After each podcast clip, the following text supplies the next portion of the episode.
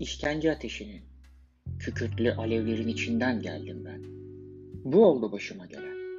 Bir anda bir cüzzam kabartısıyla şişti, katılaştı, yumuşacık sapasağlam derisi bedenimin. Böyle kaybettim işte tacımı, tahtımı, kraliçemi.